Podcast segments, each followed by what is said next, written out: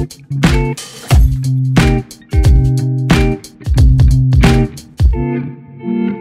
it.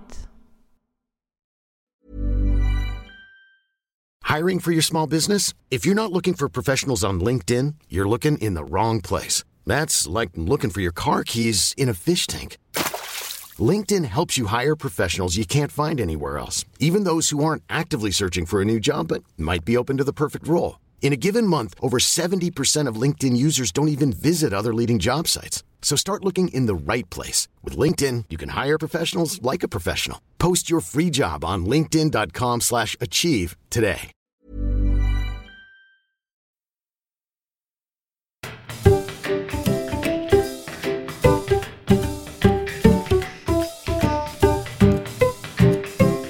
Found it! Podcast. Välkommen till Found it! Podcast. En eh, podcast om eh, terräng, om eh, vatten, om land. Fast inte om himmel. Vad säger du Patricia? Nej, sa jag. Ska vi ha himmelscash här? Nej, det blir lite för mycket. Om vi gror vingar och lägger en... Nej, okej då. Skakar frenetiskt på huvudet här. Nej. Okej. Hur är det med dig då? Det är bra, hur är det själv? Jo, det är bra. Jag är lite väderbiten dock. Det är jag också. Ja. Vi har haft eh, en lång, lång, lång runda som inte genererade mer än en cash. Att det var dåligt. Ja, jag är svart om armarna men eh, det är inte så mycket mer än så. Ja, du har blivit, fått färg. Jag har bara blivit kräftröd solsting. Du blir så här grillad. Ja, precis. Kräftröd och solsting. Ja, men nog om det. Vi ska inte prata loppisrunda nu och särskilt inte varma dagar utan vi är på del två utav eh, våran serie Terräng som vi kallar det. Och eh, Hans, du är tillbaka. Ja, Och det är alltså i minst två avsnitt så kommer vi prata om terräng med Pink Unicorn. Och eh, om du inte har hört det innan så finns det om vatten i avsnitt 25. Så Hans, vi ska prata om klättring idag. Har jag förstått det rätt? ja precis. Det var tanken. eh, det ville jag att vi skulle prata om T5 överlag sådär och då tycker jag att båt som vi pratade om förra gången, eller ja, vatten i största allmänhet, är ju den ena stora grejen som väldigt mycket T5 handlar om och den andra som väldigt mycket handlar om är ju då klättring. Och exakt vad det innebär, det varierar ju lite grann beroende på kanske var i landet man är. Ehm, jag då befinner mig på Östgötaslätten så att 95 procent minst av all klättring här i trakten handlar ju då om träd. Eftersom här är det plats i naturen. Om man befinner sig någon annanstans uppe i Bergslagen eller så, så kan det ju handla om bergsklättring också. Men hur är det norrut då? Alltså då menar jag Norrland där. Hur mycket är det ännu mer avancerat vad gäller klättring där? Ja, det finns ju T5 uppe i fjällen också, det gör det ju. Men på det hela taget så, nu är inte jag någon stor expert på Norrlandscacher, men utifrån det jag har sett så verkar det som att många cacher som är T5 i Norrland, de är mera T5 eftersom de ligger två dagars vandring ut i väglöst land snarare än för att de ligger uppe på en avancerad bergssida där du behöver klättra med utrustning. Sen kanske du behöver bestiga ett berg och ta dig tusen höjdmeter upp. Men det behöver inte vara mer än jobbigt om vi säger. Det behöver inte vara svårt. Det kan ju i princip vara stig eller led i alla fall. Okej, Och det är ju en annan sorts klättring. ja. Det kan ju fortfarande vara värt T5 däremot. Det är sant. Eh, Patricia, är du duktig på att klättra? Inte dugg. Jag håller mig med två ben på marken. Två ben på marken. Hans, du är definitivt bättre på än oss på att klättra. Ja, det är möjligt. Jag känner ju inte er på det sättet, så jag vet inte om ni kan klättra. Men om ni säger att ni inte kan det så är jag antagligen lite bättre på det. Ja. Exakt, det var därför vi kallade, kallade in dig när det gäller eh, trädklättring och eh, klättercacher överlag. Kan man kalla dem för klättercacher kanske? Det är bra. Ja, precis. Det finns ju några olika sorters klättercacher. Eh, om, om, vi börjar det enklaste, om vi så säger, som alla, nästan i alla fall, kan ge sig på och logga som fortfarande kan kallas klättercache så är det ju trädklättringscacher. Och det behöver ju inte betyda mer än att cachen sitter två och en halv meter upp så där så att man ser den och man behöver ta ett eller kanske två steg upp på lätt tillgängliga grenar för att kroka av cachen, kliva ner igen, logga och sen kliva upp och hänga tillbaka den. Det kan ju vara så att man hänger den där uppe för att inte så många mugglare ska se den bara. Det kan man ju fortfarande kalla en klättercache för man når den inte från marken. Ja, det är ungefär den nivån av klättring som jag klarar av. Um, sen tycker jag det blir läskigt ju högre upp man kommer. Men med rätt utrustning kanske. Mm. Det finns, till att börja med så brukar man skilja på eh, i träd då, så brukar man skilja på friklättring. Alltså när man helt enkelt klättrar som man gjorde som barn, att man bara klättrar och hoppas på att man inte ramlar. Och eh, när man klättrar med säkring, alltså repklättring på ett eller annat sätt. Och det kan man ju naturligtvis göra samma uppdelning när man klättrar på flyttblock eller bergssidor eller så vidare. Att man kan friklättra där också. Eh, eller så kan man klättra med utrustning. Och då tänker jag repetera i någon mån vad jag sa förra gången, närmare bestämt att det finns ingen cache som är värd att logga så att man ramlar ner och slår sig halvt fördärvad. Utan klättra inte mer än du känner dig säker på. Och exakt vad det innebär, det är ju naturligtvis olika från person till person, men gör inget dumt. Kort sagt. Med det sagt så kan jag ju säga att jag utan vidare klättrar 10-12 meter upp i träd utan säkring, om det är rätt sorts träd. Det beror ju på hur det ser ut. Om den tall och första grenen sitter 15 meter upp, då är det ju inte så mycket att dividera om, utan då kommer man inte upp.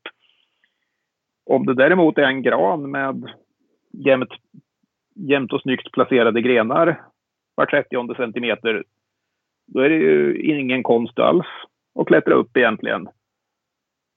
Problemet brukar snarare vara att det är så mycket grenar så att man kommer inte fram, utan man får Ibland får man klättra ner en bit och maka sig över till andra sidan trädet och hoppas på att det inte är riktigt lika trångt där. För att det är för mycket grenar snarare än för lite grenar. Jag tänker sen när du, om, om du klättrar i ett eh, träd med typ eh, rep, vad använder du det då? Sätter runt grenar eller eh, fäster i stammen som säkring eller hur eh, spänner du linan från början? Mm, det finns två olika sätt, minst, här också. Eh, när man klättrar med utrustning, då har man ju... Till att börja med så har man ju en sele på sig som sitter runt midjan och runt benen. Och sen så har man ugglor på den som man kan sätta fast i diverse utrustning som då håller för att man ramlar i den. Så det är den som är livförsäkringen så att säga. Eh, och då finns det antingen så kan man så att säga friklättra med säkring. Det vill säga att man tar på sig en sele och så har man med sig ett antal slingor som de heter, vilket då är om du tänker dig en, en tygremsa som är eh, alltså, som ett gigantiskt gummiband förutom att den är gjord i tyg. De brukar vara typ en halv meter, en meter långa dubbla. Då. Och de här håller också att ramla i. Så det är ju inte vilket tyg som helst utan det är ju specialgrejer. Och sen så har man med sig karbinhakar då också som är klätterprylar. Och då om det är en cache man bara tycker är lite högre upp än vad som kanske känns bekvämt, då kan man klättra upp så långt man vågar utan. Och sen så tar man en slinga och sätter den antingen runt stammen eller runt en gren och liksom drar den genom sig själv så att den sitter runt stammen och bildar en uggla. Och sen kan ju med en karbinhake sätta fast den i selen. Och så kan jag ta ett steg upp och så sätter jag en ny slinga där. Och då kan jag koppla fast mig i den och koppla ur mig den förra och ta loss den. Och så klättrar jag en halv meter till sådär. Så att jag hela tiden sitter fast i en slinga. Så det är lite tidsödande då och det tar en stund att komma upp? Ja, så blir det ju.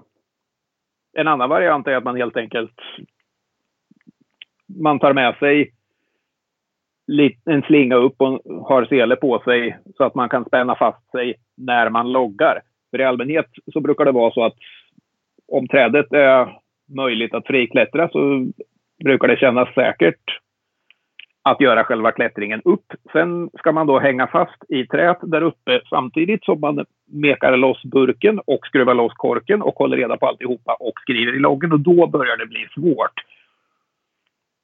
Så att då är det rätt skönt att kunna spänna fast sig i trädet medan man håller på och jonglerar och de där prylarna. Va? Så slipper man fundera på att hålla fast sig åtminstone under tiden. Sen får man ju då hänga tillbaka burken och koppla loss sig och klättra ner igen. Det, det är den ena varianten då att man har så att säga assisterad friklättring. Den andra varianten är att man klättrar med rep. Och då finns det egentligen... Eh, då behöver man ju se till att få upp ett rep åtminstone så högt som man ska klättra. Gärna lite högre. Så att om du tänker dig att du har ett träd och så är det 10 meter upp till en gren där som cashen hänger i. Då vill jag ju helst få mitt klätterrep till grenen ovanför det. Och då är principen så att man fixar upp repet dit och så sätter man fast ena änden av repet i någonting stabilt. Det kan vara samma träd som man tänker klättra i, det funkar utmärkt. Och i den andra änden så sätter man fast sig själv. Och då när jag säger sätter fast sig själv, då menar jag inte riktigt att jag knyter fast mig där naturligtvis, för då kommer jag ingenstans. Utan vad man gör är att man kopplar in sig med utrustning som heter repbroms, som då är justerbar. Så att, ja, eh, den är, vad ska vi säga, man kopplar in repet i den så kan jag dra, jag kan dra mig uppåt enkelt. Men om, om jag skulle falla neråt, då kommer den att nypa fast i repet. Eller liksom sitta fast i repet så att jag inte kommer neråt, utan den, den släpper efter uppåt men sitter fast neråt. Och sen behöver man lite extra utrustning med, alltså man bygger som man ser block och talja ungefär så att man kan lyfta sig uppåt på ett enkelt sätt. Så att man slipper lyfta precis hela sin vikt. Det är lite svårt att förklara exakt hur det där ska kopplas utan att visa det. Det är besvärligt nog ändå. Men... Det kanske finns lite filmer på Youtube? Det går säkert att skaka fram lite filmer på hur repklättring fungerar. Oh ja. Men principen är att man klättrar upp, man spänner fast sig på repet och så klättrar man upp Eh, vilket då blir lite grann som att klättra på stege fast man gör det på repet. Eh, och sen loggar man där uppe, hängande i repet då.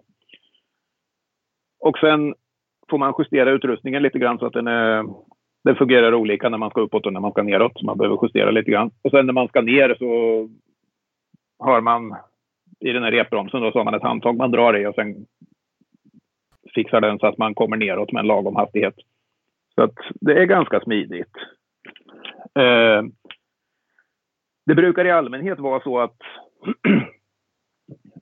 tiden för att logga en klättercache, om vi säger att det sitter ett petrör 10 meter upp i en tall, så tar det eh, kanske fem minuter att klättra upp. Och så tar det en minut att logga och så tar det en minut att komma ner. Och så tar det allt ifrån 30 sekunder till en halvtimme att få upp repet på rätt ställe innan allt det här då. Det, det, det, är det som är den svåra grejen. Hur får man upp repet? Kan man bara kasta det eller krävs det pil och båge? Eller hur, hur gör man? Nej, du kan inte kasta repet. För ett, ett klätterrep är lika tjockt som ditt lillfinger ungefär. Eh, det är ingenting som du kastar så. Utan vad man gör är att man har, man har ett annat rep med sig eh, tjockt som en tvättlina ungefär. Och så har man en vikt i änden på det.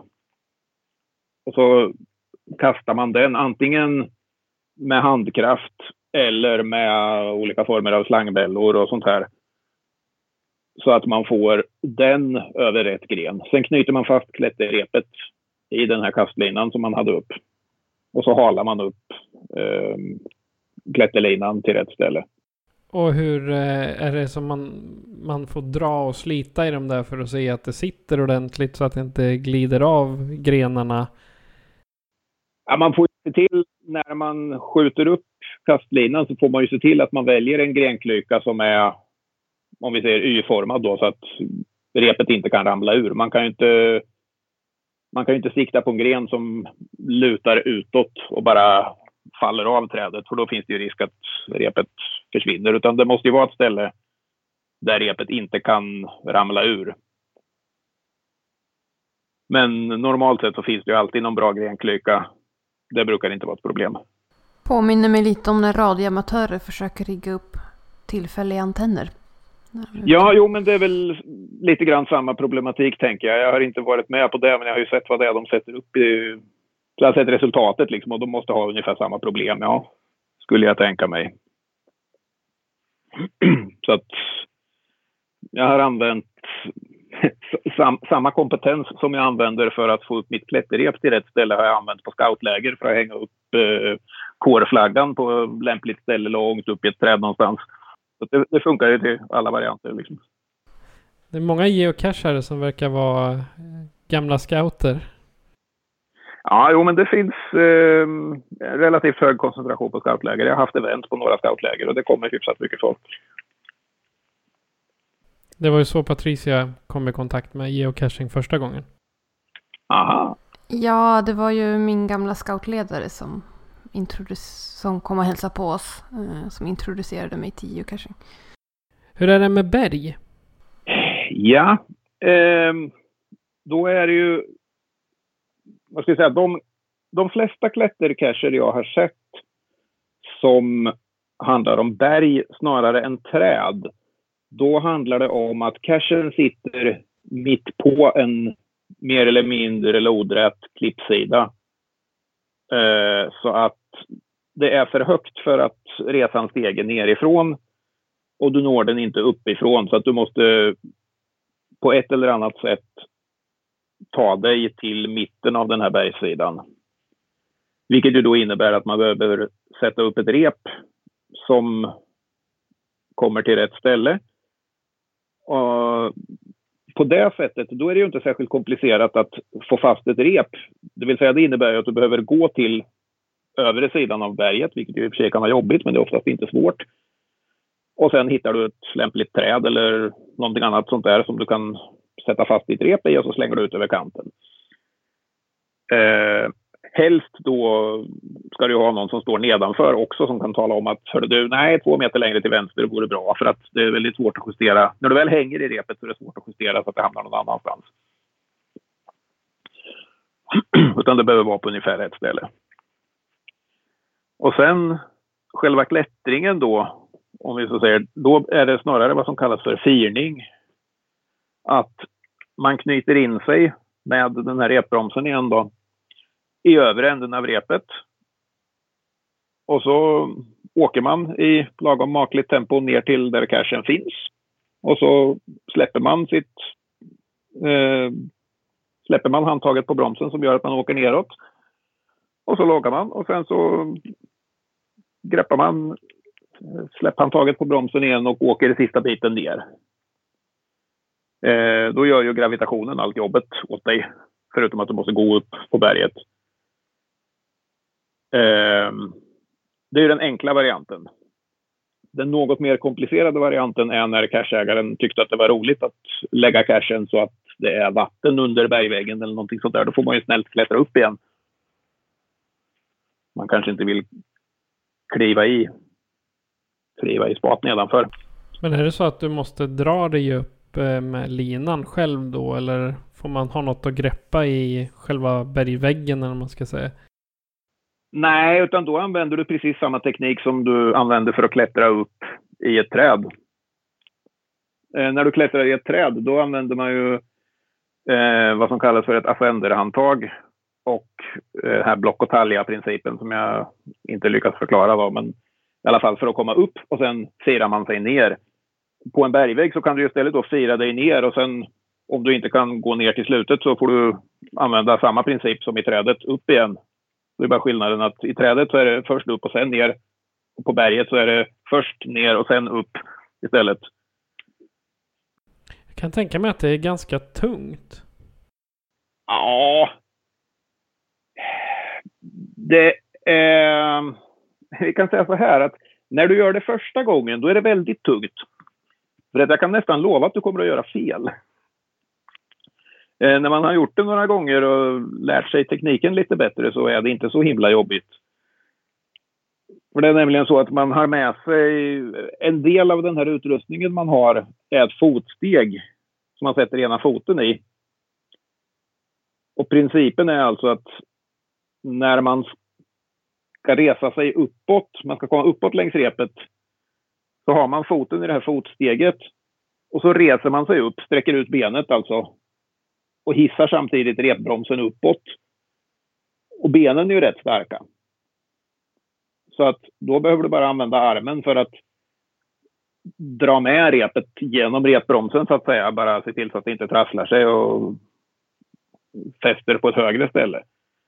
Man kan försöka dra sig upp med armen istället och det, är, det går, men det är väldigt jobbigt.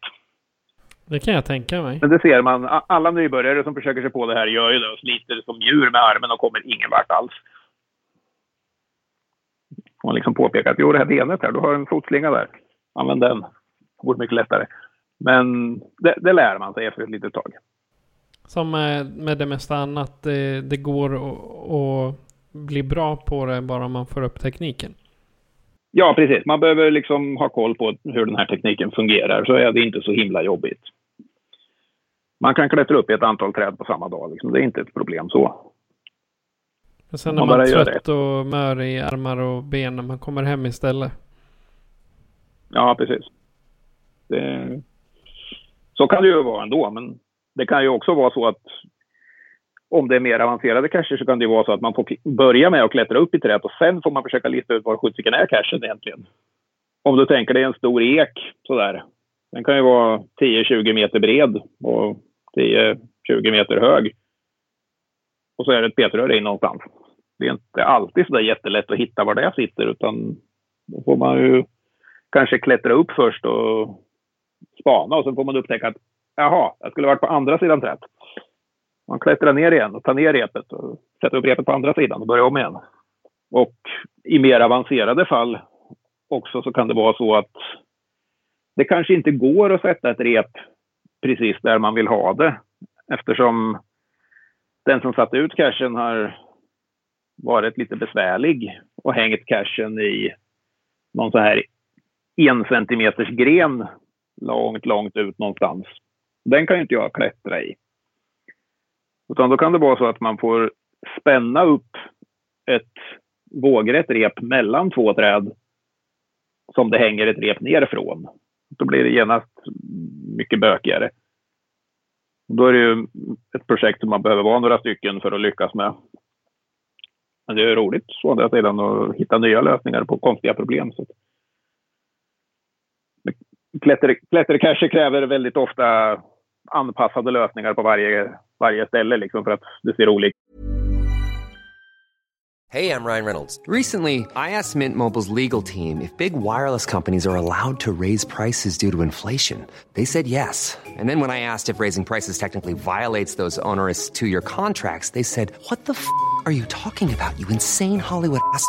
So to recap, we're cutting the price of Mint Unlimited from $30 a month to just $15 a month. Give it a try at mintmobile.com slash switch. $45 up front for three months plus taxes and fees. Promoting for new customers for limited time. Unlimited more than 40 gigabytes per month. Slows. Full terms at mintmobile.com. Hey, it's Danny Pellegrino from Everything Iconic. Ready to upgrade your style game without blowing your budget?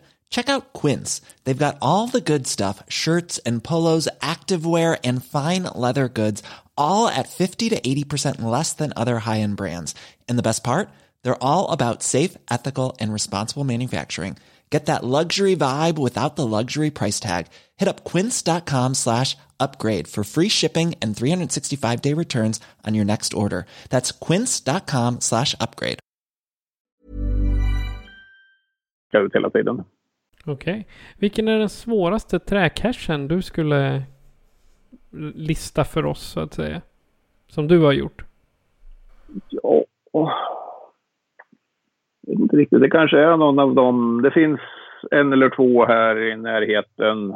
Uh, nu kommer jag inte ihåg vilken siffra det är, men det är no någon, någon i serien av cacher som heter Limbwalker. Möjligen nummer tre eller nummer fem. Som innebär att man är tvungen att spänna upp ett eh, vågrätt rep först som det hänger ett lodrätt rep nerifrån eftersom cachen hänger i princip mitt ute i tomma luften så man måste spänna ett vågrätt rep mellan två stammar först. Och sen får man klättra upp på det här andra repet i mitten. Och det var lite bök innan vi fick till det. Men sen finns det ju andra eh, av de här geotour-cacherna till exempel i Örebro län. Så finns det några stycken klättercacher där också som kräver en hel del trassel ehm, det finns till exempel en med en lodrätt bergvägg och så har de spänt upp. Ehm, det sitter någon form av rep eller vajer eller någonting på bergväggen i lite labyrintform sådär. Som det hänger. Om jag minns rätt så hänger det ett petrör på den där som man måste få tag i och så finns det en nyckel i den som man behöver på ett helt annat ställe. Så man måste liksom trassla det där röret via den här labyrinten till rätt ställe som man kan låsa upp igen. Så att det slutade med att vi hade ett par personer som hängde på väggen och liksom skickade det här petröret fram och tillbaks mellan sig lite grann. Så att de kunde klara av hela den labyrinten det var ju rejält teamwork då. Ja, jo, det, det tog ett tag. Och på det, vad jag vill poängtera också, all, all form av klättring så här. Eh, vi pratade ju förra gången med båtcashning då om att man ska tänka på säkerheten så man kan ramla i vattnet. Eh, då kan vi ju jämföra då att om man nu klantar sig där man paddlar, då ramlar man i vattnet då blir man blöt. Det är ju otrevligt naturligtvis, men det är ju kanske inte hela världen.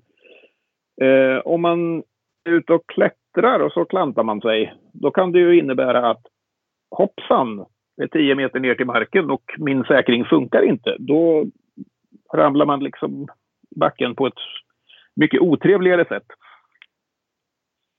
Så att framförallt när det gäller klättring så se till att ha alltid med dig någon som vet vad de gör och se till att du själv också vet vad du gör. Alla är ju naturligtvis nybörjare i början, men gör ingenting som du inte vet, känner dig säker på vad du gör. Man får lära sig med tiden. Man får lära sig av andra. Eh, det finns några enstaka kurser i klättring som faktiskt är anpassade för geocachare. Det finns ett par stycken duktiga klättrare som arrangerar kurser för sånt. Um, sen finns det ju naturligtvis klätterklubbar här och där i landet som håller kurser, men de är ju anpassade för att klättra i en klätterhall, så att där lär man sig inte riktigt allt som man behöver veta som geocachare. Därmed inte sagt att cachen är oanvändbar, men den täcker inte allt man behöver veta. Men den är en bra grund. Vad är den svåraste bergscachen du har hittat? Ja, som jag sa, liksom att som boende i Linköping mitt på Östgötaslätten så är det lite ont om berg. Så att jag har inte så väldigt många kandidater att komma med här. Men den här som jag nämnde här med så replabyrinten på bergssidan där i Örebro-trakten någonstans, den ligger nog bra till där. Där hade vi att göra ett tag. Men som sagt, jag har inte så väldigt många kandidater att jämföra med egentligen. Okej, har du någon eh, bästa cash som du har tagit upp i träd nu då? Jag vet du, du nämnde en där när man var tvungen att spänna sig mellan två ram, eh, eh stammar. Men har du någon riktig favorit som du har varit tvungen att klättra till? Ja, alltså. Det är ju alltid trevligt de gånger som klättercacherna är eh, vad ska vi säga, att man får se någonting man inte hade väntat sig. Eh, det beror ju lite grann på. Om, om man har tur så kan man ju få cashen placerad i ett träd som sticker upp lite grann över omgivningen så att man faktiskt plötsligen kommer upp i närheten av cashen och inser att här ser jag ju faktiskt ut över hela skogen istället för bara in i trädkronorna. Det är häftigt. Man upptäcker att hoppsan, nu kommer jag visst ut i tomma luften mer eller mindre här. Och plötsligen istället för att man ser tre meter som man har gjort ett tag då och istället ser kilometervis ut över nejden. Jag har inget exempel specifikt där på vilka cacher som är så.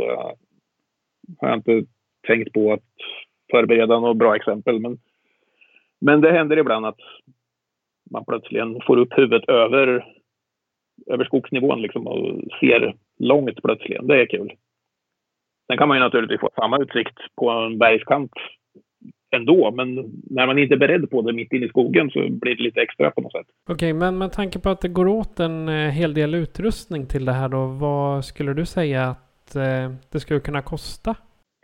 Ja, det beror ju naturligtvis på exakt vad det är man vill syssla med. Om vi säger att man vill klättra om man bara vill kunna fira sig ner för en bergssida så behöver man en typ av utrustning. Om man vill kunna klättra uppåt i ett träd så behöver man lite annan typ av utrustning och exakt vad så man behöver beror lite på. Men grundprincipen så behöver man en sele, vilket handlar om någonstans mellan 500 till 1000 kronor kanske. Man behöver ett rep, oavsett om man ska uppåt eller neråt. Jag skulle tippa att du får ge ungefär en tusenlapp för ett rep. Man kommer att behöva åtminstone en repbroms oavsett om man ska uppåt eller neråt. Och då pratar vi om, äh, det har jag inte kollat, jag skulle tippa på någonstans mellan 500 och 1000 kronor. Eh, och sen behöver man lite, åtminstone några slingor och karbiner, vilket väl kanske då är någonstans mellan 500 och 1000 kronor det också totalt. Så vad landar vi på där? 3-4 tusen någonting. För typ ba basic eh, klättringsprylar då? Ja, precis. Sen beror det ju på eh, om man ska klättra mycket uppåt i träd så behöver man vad som kallas för ett ascenderhandtag. Man kommer att behöva någon form av kastlina. För sysslar man mycket med träd så behöver man antagligen lite mera slingor än vad du behöver för att ta dig ner för ett berg och sådär. Men eh, sen är det ju också så att om du ska hålla på med klättring så ska du speciellt i början göra det tillsammans med någon annan som kan det här, gärna bättre än du. Och det innebär ju att denna andra person har antagligen sysslat med det här ett tag och har antagligen utrustning. Så att egentligen grundkittet för vad du behöver för att börja själv är i princip en sele och en broms. Det är vad du måste ha. Sen kan du hoppas på att någon annan har resten åt dig de första gångerna. Du kanske rent av kan låna sele och en broms också första gången, men det är ju det man absolut vill ha själv ganska snart. Sen får man bygga på allt eftersom. Jag menar, jag är ju i praktiken aldrig ute och klättrar själv. Utan det är jag och två, tre, fyra kompisar som också har en egen klätterutrustning var. Vilket innebär då att vi har med oss tre, fyra rep och karabiner så att vi kan liksom hålla kurs för tiotal personer sådär. Så att problemet är väl oftast att vi bär på för mycket grejer snarare än för lite grejer. Men det innebär ju också att när vi kommer fram till något mystiskt problem så har vi inga problem med att spänna upp ett rep här och kolla, klättra upp i trädet där och kolla. Ser vi, ser vi burken? Nej, det gör vi inte. Då kan vi spänna upp ett annat rep i andra änden av trädet och kolla, ser det rätt ut här? Jo, men burken är ungefär där borta där vi var nyss, fast vi såg den inte. Då kan man klättra upp i den änden igen istället för att behöva rigga upp repet, konstatera att nej, det var inte här, rigga ner, rigga upp i andra änden av trädet och så vidare. Så att det är ganska ofta så att mer utrustning ger mindre arbete, men den kostar ju naturligtvis mer också. Men som sagt, är man flera personer så blir det ju ofta så att alla har med sig lite prylar och sen slutar det med att man har mer än man egentligen behöver, men då är det praktiskt att man kan göra på andra sätt istället. Och det är samtidigt mycket trevligare med sällskap. Jo, eh, så är det absolut. Och framför allt för sådana här övningar som i någon mening ju är livsfarliga, så att säga. Jag menar, gör, gör, du fel så är det ju farligt, så är det. Och då, man ska ju inte göra det ensam, utan du vill ju ha med dig, dels vill du ha med dig en annan person som kan tala om för dig att Hörde du, det där du håller på och knyter ihop nu, det ser inte rätt ut. Händer det ju att man kan säga, man står nere på marken, att vad gör du nu egentligen? Har du tänkt rätt här? Och sen är det ju också, när man är uppe i ett träd så kan det ju vara så att man kommer på att jag glömde att ta med mig se och så upp. Så kan någon annan som står nere på marken knyta fast det i repet åt dig och så kan du bara hala upp den tomma repänden som hänger under dig. Och så får du upp den utrustningen du ville ha. Istället för att om du hade varit ensam så hade du varit tvungen att klättra ner igen och hämta vad det var du skulle ha och så vidare. Ännu värre då om du har klättrat, klättrat upp och kommer på att du saknar någonting som du mer eller mindre behöver för att komma ner. Då blir det väl riktigt jobbigt. Jobbigt om man glömmer pennan när man har klättrat upp så där högt. Ja, precis. Jag har... Eh, den hårda vägen så har jag lärt mig att numera så hänger det alltid en kulspetspenna i en karbin i, bak i min sele. Det är väldigt praktiskt. Hur är det med hjälm och sådana skydd för huvudet? Är det någonting ni brukar ha med er varje gång ni är ute på klättercacher som vi har döpt dem till? Ja, eh, det är ju tanken att man ska ha hjälm. Eh, sen beror det ju på. Oftast försöker jag ha det. Eh, det är ju också, det är kanske lite mindre viktigt när man klättrar i träd än när man klättrar i berg.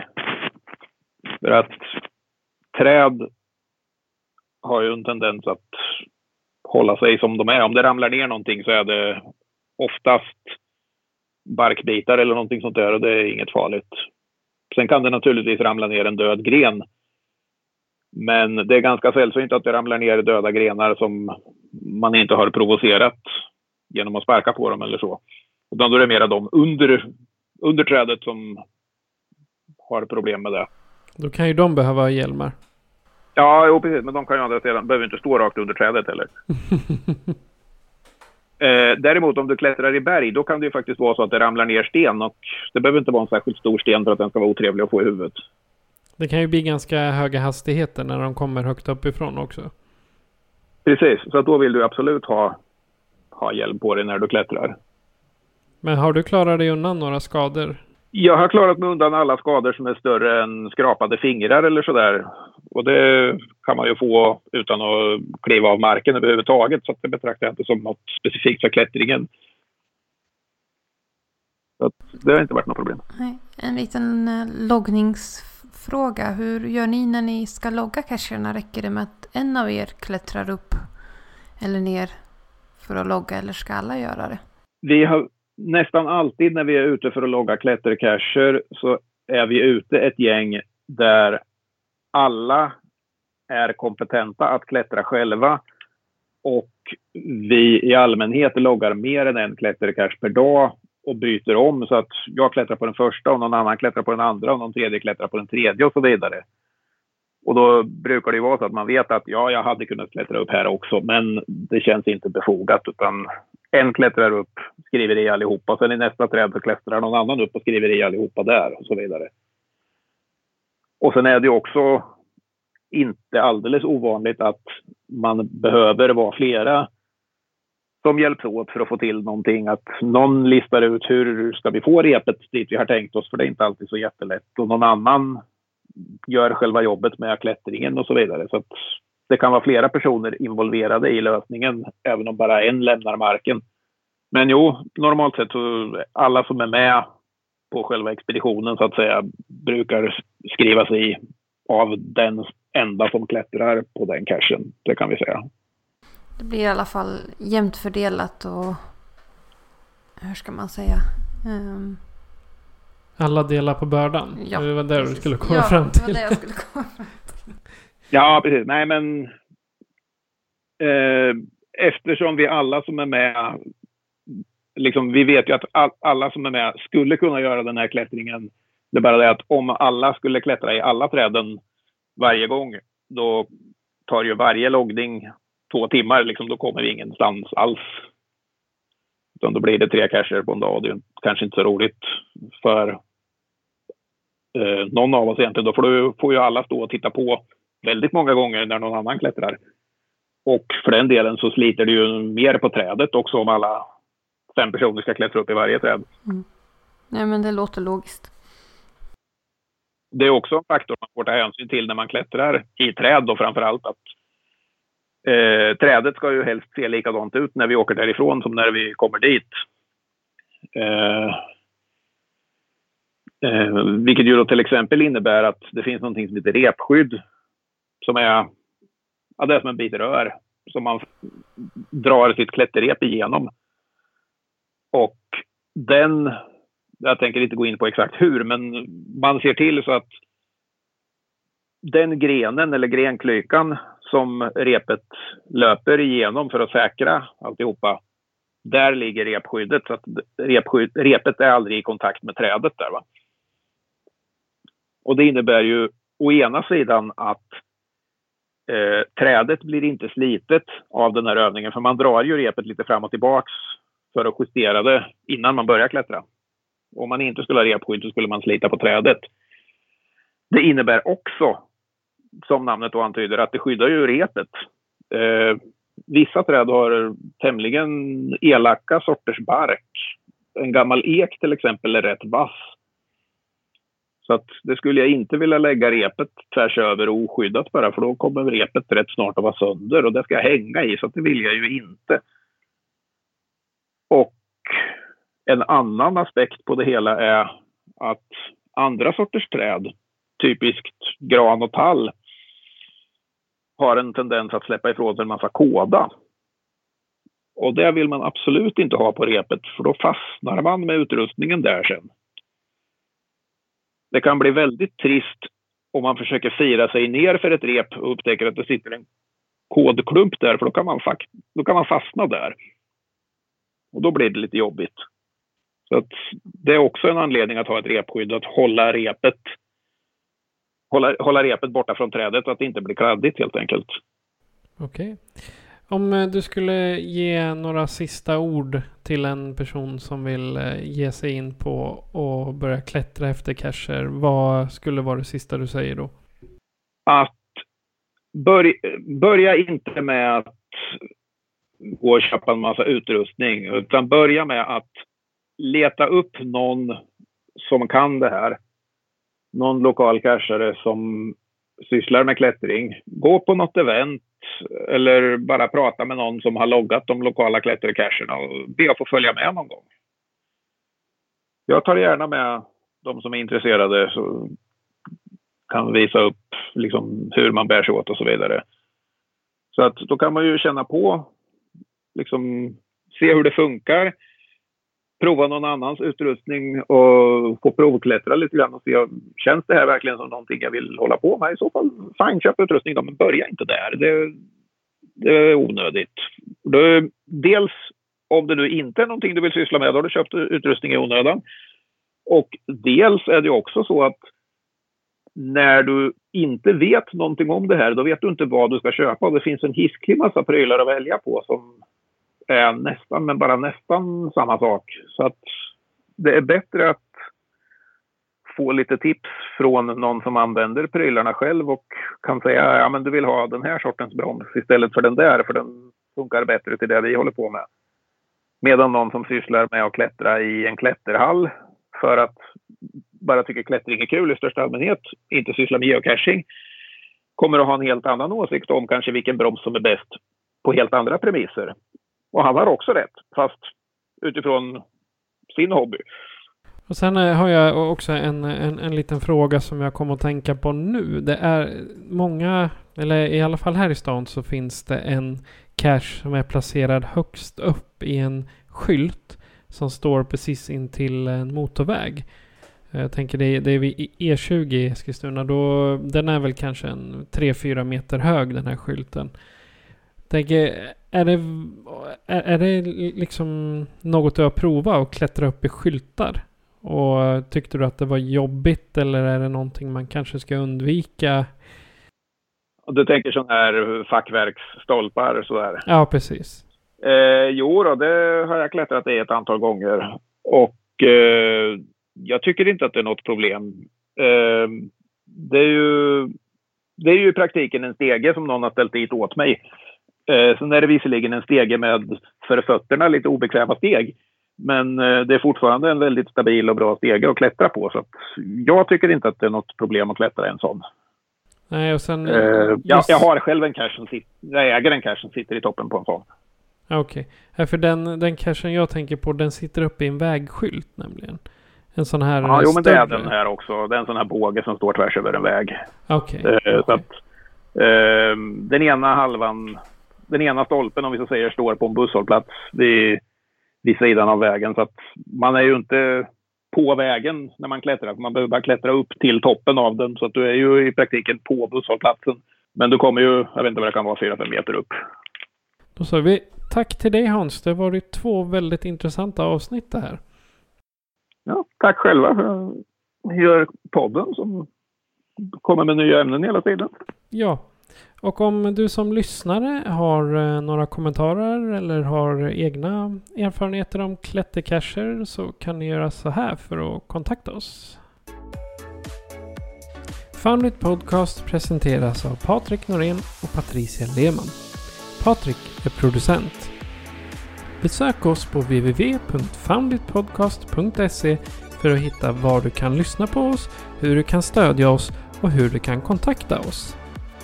Tack för att du lyssnar. Patricia, har du blivit klokare efter det här avsnittet? Jag har blivit klokare och jag har förstått att, vilket jag redan gjorde, men ännu mer hur viktigt det är med säkerhet först. Ja, säkerheten först. Det, det är ungefär vad vi har sagt båda avsnitten här med, om terräng. Ja. Tack igen Hans. Och vi, vi, vi återkommer till dig nästa gång vi ska prata om eh, terräng med någon annan kanske. Lite andra kommentarer. Ja, vi. Ni är välkomna. Ja. Du har lyssnat på Foundit Podcast med mig, Patrik. Och mig, Patricia. Och mig, Hans. Adjö på er. Adjö, adjö. Found it! Podcast.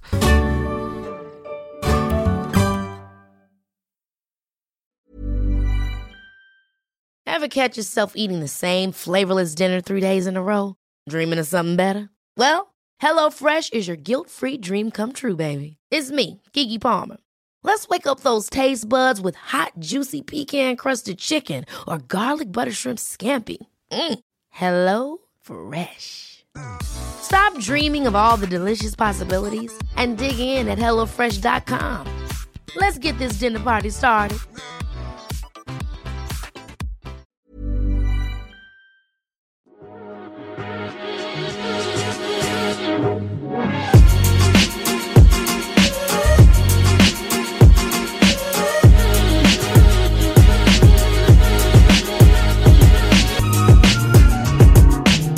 Found it.